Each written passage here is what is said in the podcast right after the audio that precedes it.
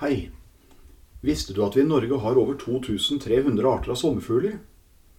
Den minste, en liten dvergmøll, er kun små tre millimeter fra vingetupp til vingetupp, mens den største, en nattsvermer som vi kaller dødninghode, er opptil 13,5 cm i vingespenn. Størrelsesforskjellen blir som hvis vi hadde kjempemennesker som var 80 meter høye. Mellom disse to ytterpunktene finner vi alle de 2300 andre artene. Dagsommerfugler, nattsvermere, spinnere, nattfly, målere hvor larvene liksom måler opp underlaget når de kryper. Alle slags typer møll og mott er også sommerfugler. Og de minste er, som allerede nevnt, dvergmøllene, som bærer navnet sitt med rette.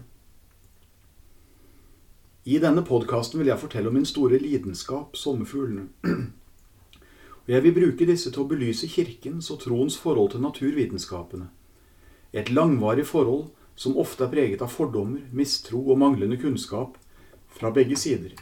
Ofte beskyldes vi kristne for å bekjenne oss til overtro. Hvor mange, særlig unge kristne, har ikke følt på å være underlegne og flaue over sin tro og kirketilhørighet, fordi de opplever å bli stilt til veggs i møte med vitenskapen, føler at de ikke har svar, står der og kan, ikke kan forsvare seg mot påstander som at vitenskapen forklarer hvordan alt har blitt til, eller at all tro er bare overtro, eller at evolusjon forklarer livets opprinnelse osv. Og, og ikke minst at troen på at en mann i antikken sto opp fra de døde, i beste fall bare er en myte. Og fra kristent hold, kanskje ikke så mye fra den katolske kirken, men fra andre kirkesamfunn ser vi forklaringsmodeller som kreasjonisme og intelligent design, modeller som forkaster evolusjonsteoriene, og som i media og i vitenskapen blir møtt med massiv kritikk. Svaret fra de troende og kristne menigheter har ofte vært å trekke seg tilbake, holde en lav profil og lengst mulig avstand til det moderne, og så prøve å sysle med sitt i stillhet. Men trenger det å være slik? Har det alltid vært slik? Svaret er nei. Vår kirke har en lang og stolt vitenskapshistorie, og kirkens tro og naturvitenskapene går for det meste hånd i hånd, selv om man ofte kan forledes til å tro det motsatte. Dette og mer til vil jeg forsøke å sette søkelys på i noen episoder av denne podkasten. Og min inngangsdør til denne verden er som sagt sommerfuglene. Men det at det er sommerfugler, er ikke så viktig. Det kunne egentlig vært et hvilket som helst fag innenfor naturvitenskapene. For målet er til syvende og sist det samme. En søken etter sannhet. Men mer om det senere. Jeg heter altså Reidar Foyt og er sogneprest i Mariakirken den katolske menigheten på Lillehammer. Jeg har min utdannelse fra 90-tallet fra Ludvig Maximilians universitet i München og Det pavelige universitetet Gregoriana i Roma. Og i mer enn 40 år har jeg samlet sommerfugler. De siste åtte-ti årene har jeg særlig arbeidet med systematisk kartlegging av bestemte områder av landet, og har samarbeidet bl.a. med Sabima, Artsdatabanken og Naturhistorisk museum i Oslo om nettopp overvåkning og beskrivelse av biologien og utbredelsen til disse flotte skapningene. Jeg nevnte kartlegging, og dette er et viktig stikkord. For vi har vel alle hørt at sommerfuglene har blitt færre. Eller vi møter utsagn som at vi så så mange flere sommerfugler før. Og i fjor fikk vi på Dagsrevyen se at en tysk undersøkelse viste at insektene hadde gått tilbake med over 80% og det til og med i naturreservater. Og dessverre, det stemmer hvert fall stedvis. Sommerfuglene og alle de andre insektene, biller, fluer, gresshopper, mygg, veps, teger, vårfluer, steinfluer, øyenstikker og hva nå de heter alle sammen, er blitt færre. Veldig mye færre mange steder. Og sammen med andre dedikerte biologer bruker jeg veldig mye av min fritid på å kartlegge sommerfuglene i Norge. Finne ut hvilke arter som lever hvor, hvordan de lever, og om noe eller noen truer deres liv og deres levested. Og poenget med det hele Forsøk å bidra litt til at vi også i fremtiden kan glede oss over disse flotte insektene i en rik og sunn natur. Denne lidenskapen har gitt meg en dyp innsikt i og en respekt for det vi kaller naturvitenskap. I mitt tilfelle biologi. Og jeg opplever at det vitenskapelige arbeidet som feltbiolog og entomolog, altså insektforsker, og prest gjensidig beriker hverandre. Biologiens verden får en høyere horisont og dypere grunn, og troen fordypes idet den berikes gjennom systematikk, forskning og kunnskap om den verden vi lever i. Vår forrige pave, Benedikten 16, sier i en av sine bøker at troen tåler fornuftens prøve, og det er virkelig sant. Dette er et aspekt av troen som man ikke så ofte hører om, men som jeg håper blir merkbart i dette programmet. Men før vi går videre, må vi begynne med sommerfuglen og se litt på hva en sommerfugl faktisk er. Det første vi kan slå fast, er at den er et insekt. En art i en av våre eldste ordener av leve vesener. Og sommerfuglene deler det aller meste med de andre insekter, nemlig at de har et ytre skjelett. Det betyr at deres hud samtidig er skjelettet, altså den strukturen som holder hele organismen sammen. Til dette ytre skjelettet, eller skall om du vil, er alle muskler og membraner og indre organer festet. Sommerfuglens kropp består grovt sett av tre deler. Hode, mellomkropp og en bakkropp. På hodet har sommerfuglen to store fasettøyne, altså faste øyne som den kan se med. Og den har to følehorn som peker fremover, og som den kan føle med. Og på mellomkroppen eller brystet har den seks ben og fire vinger. Frem- og bakvingene på hver side vil enten overlappe hverandre eller være hektet sammen, slik at de i praksis danner én vinge på hver side av dyret. De aller fleste sommerfugler tar kun flytende næring til seg, og de har derfor en sugesnabel som de kan rulle ut når de skal drikke, og som de så ruller inn før de flyr videre. De har ikke egentlig en hjerne slik som fugler eller pattedyr, men derimot flere mindre nervesentra fordelt fra hodet gjennom mellomkroppen og ut i bakkroppen. De smaker med føttene. Det er jo praktisk når de lander midt i matfatet.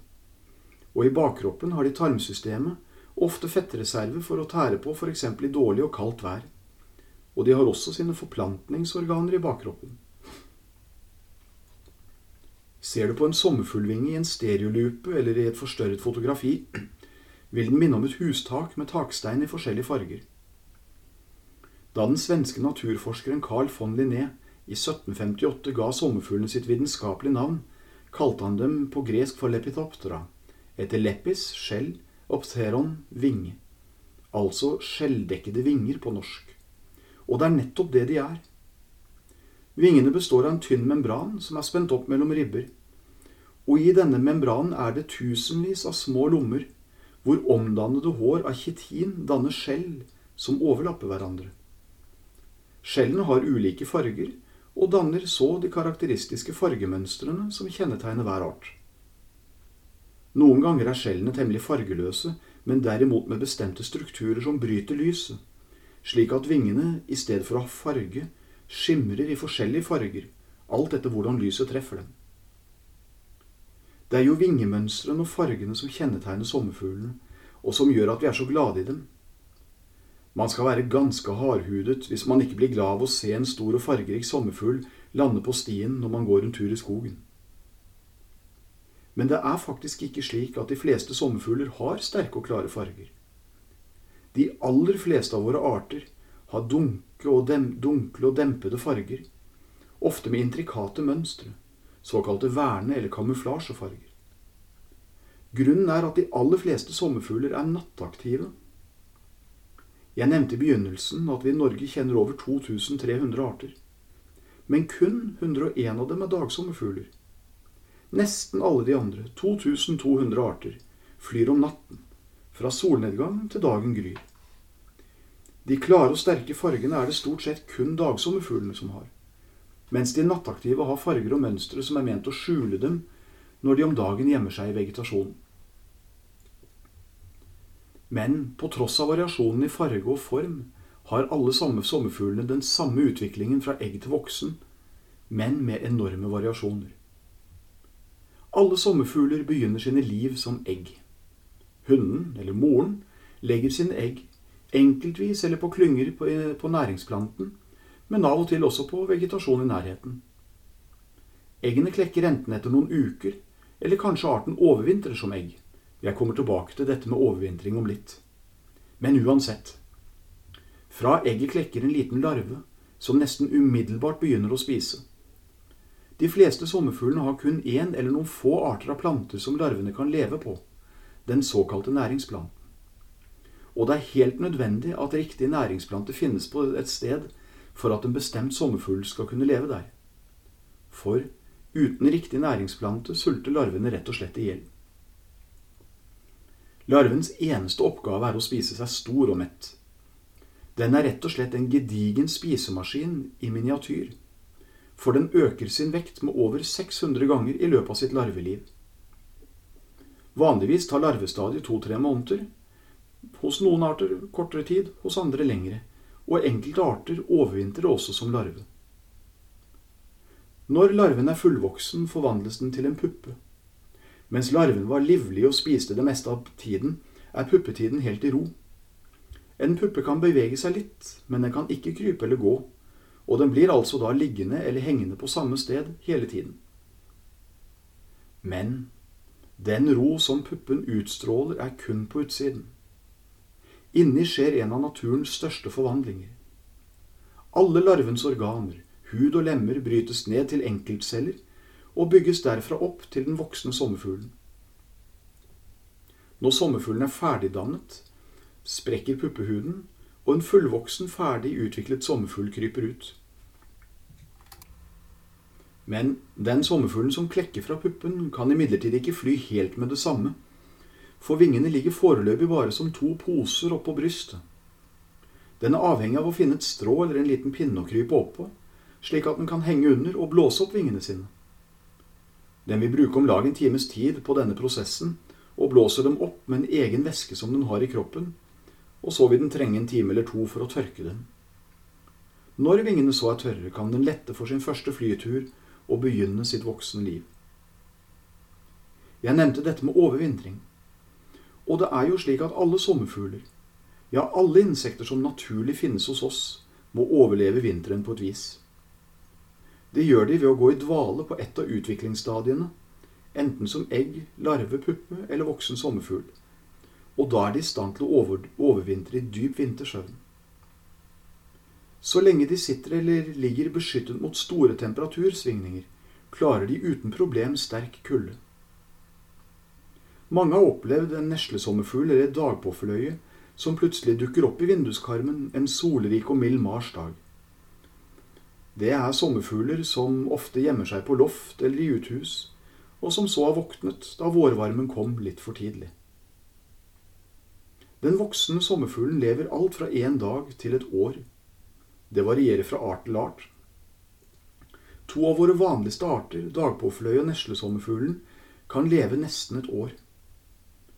De voksne individene klekker på høysommeren, gjerne i juli, og flyr litt utover høsten, før de så setter seg til overvintring og på våren igjen vil de pare seg, og hundene legger så sine egg på brennesle, som er næringsplante for larvene. Så, utover forsommeren og noen år helt ut til juli, kan man se de avblekete og flisede sommerfuglene fra fjoråret fly sammen med årets nyklekkede og fargesterke avkom. I den andre enden har vi en nattsommerfugl som kalles fjellbjørkespinner. Dens larve lager silkespinn i lyng og dvergbjørk på fjellet i juli-august. Ser du noe som ligner på slags skitne sukkerspinn i lyngen på en fjelltur, er det nok denne arten. Den er meget vanlig i fjellene i Sør-Norge, men den voksne sommerfuglen kan jeg love deg at du aldri ser. For den lever kun en dag og flyr kun et par timer. Nesten alt ved denne arten er ekstremt. Egg- og larvetiden er det mest normale, den varer sommeren over. Men puppen derimot, den ligger i en kongkong, vanligvis i jorden, i to-tre år før den klekker. Noen ganger kan det ta opptil syv år, ja i enkelte ekstreme tilfeller opptil 14 år før den voksne sommerfuglen kommer frem. Men den voksne sommerfuglen derimot, den klekker en morgen i juni og tørker vingene sine. Den har ikke sugesnabel og kan derfor ikke ta til seg næring i det hele tatt. Det eneste den har å leve av, er en liten fettreserve en slags livsnistepakke den har i bakkroppen. Hannene går på vingene i skumringen og leter opp hundene ved hjelp av duftstoffer, såkalte feromoner. De parer seg og dør så umiddelbart etter paringen, ennå mens det er natt. Hunden legger sine egg i lyngen, Men om morgenen så er, den, er siste egg lagt, og hunden dør umiddelbart. I løpet av et døgn er det hele over. Som vi forstår, er variasjonen i sommerfuglenes verden enorm, og det er ikke til å undres over at menneskene til alle tider har latt seg fascinere av disse vakre insektene. Men vi må jo spørre, i en tid hvor de går tilbake og til og med er truet av så mange menneskelige aktiviteter, er det da riktig, for ikke si etisk forsvarlig, å samle dem inn? Dette spørsmålet, og hvordan dataene fra innsamling og kartlegging brukes, vil vi se nærmere på i neste episode. På gjenhør.